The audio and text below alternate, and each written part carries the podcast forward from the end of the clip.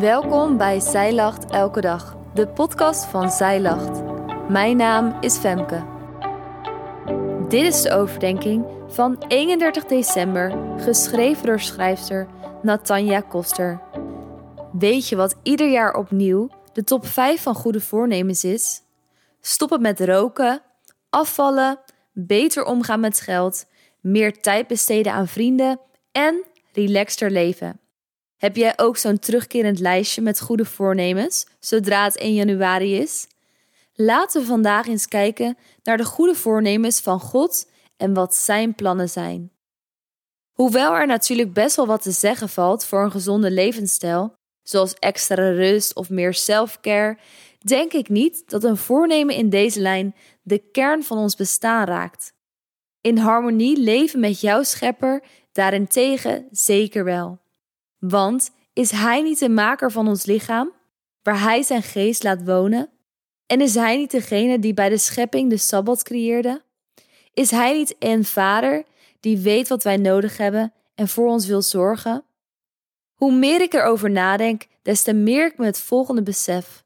Wat als 2024 in het teken staat van dicht bij Hem leven? Zijn woord lezen en zijn hart leren kennen. Ik denk dat ik er al snel achter zou komen dat ik geen goede voornemens voor mezelf hoef op te stellen, maar dat Hij alleen maar goede voornemens met mij heeft. Hij heeft goede voornemens met jou. Hij wil zijn hart delen met jou. Wanneer deze levenswandel aangaat, zul je de vruchten daarvan in je leven zien. En dat kan inderdaad zijn dat je jouw lichaam meer gaat behandelen als een tempel. Dat je zult breken met verslavingen, dat je ontdekt dat Hij je wil leren om te leven vanuit rust. Dat Hij een voorziener is en ons wil leren om vrijgevig te zijn. Laten we ontdekken wat de goede voornemens van God zijn. In Jeremia 29, vers 11 staat: Ik immers, ik ken de gedachten die ik over u koester, spreekt de Heer. Het zijn gedachten van vrede en niet van kwaad, om u een toekomst en hoop te geven. Misschien is dit wel een van de meest gebruikte Bijbelversen. Maar wat is nu de context van dit vers? De Israëlieten waren in ballingschap meegenomen naar Babel. De brief introduceert de Heer van de hemelse machten. Hij noemt zichzelf hier niet de God van Juda, maar de God van Israël.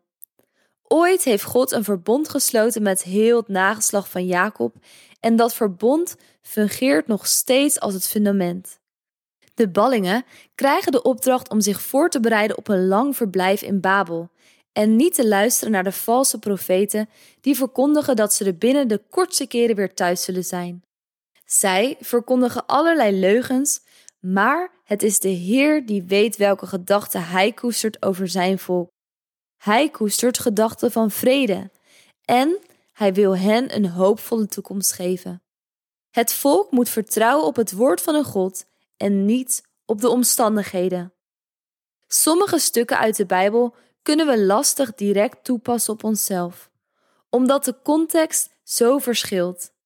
Toch zitten er in veel van die stukjes universele waarheden, zoals ook in dit vers.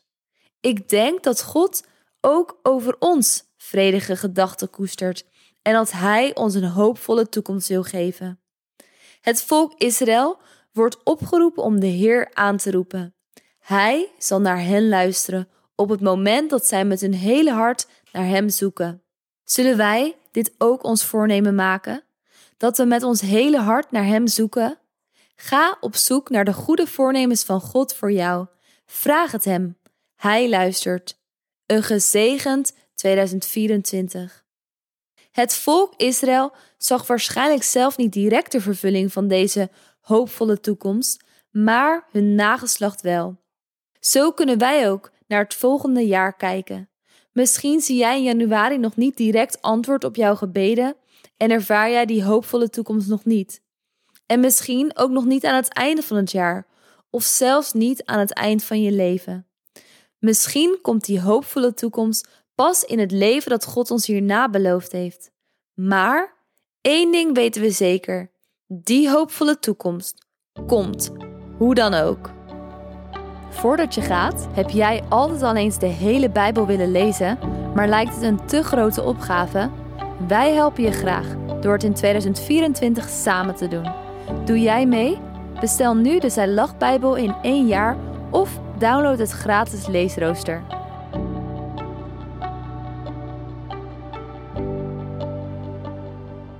Dankjewel dat jij hebt geluisterd naar de overdenking van vandaag. Wil je de overdenking nalezen? Check dan onze website. Je vindt er ook meer toffe dingen die jou helpen om de Bijbel vaker te openen, zoals boeken, Bijbels, cursussen en evenementen. Morgen ben ik weer bij je terug met een nieuwe overdenking. Tot dan!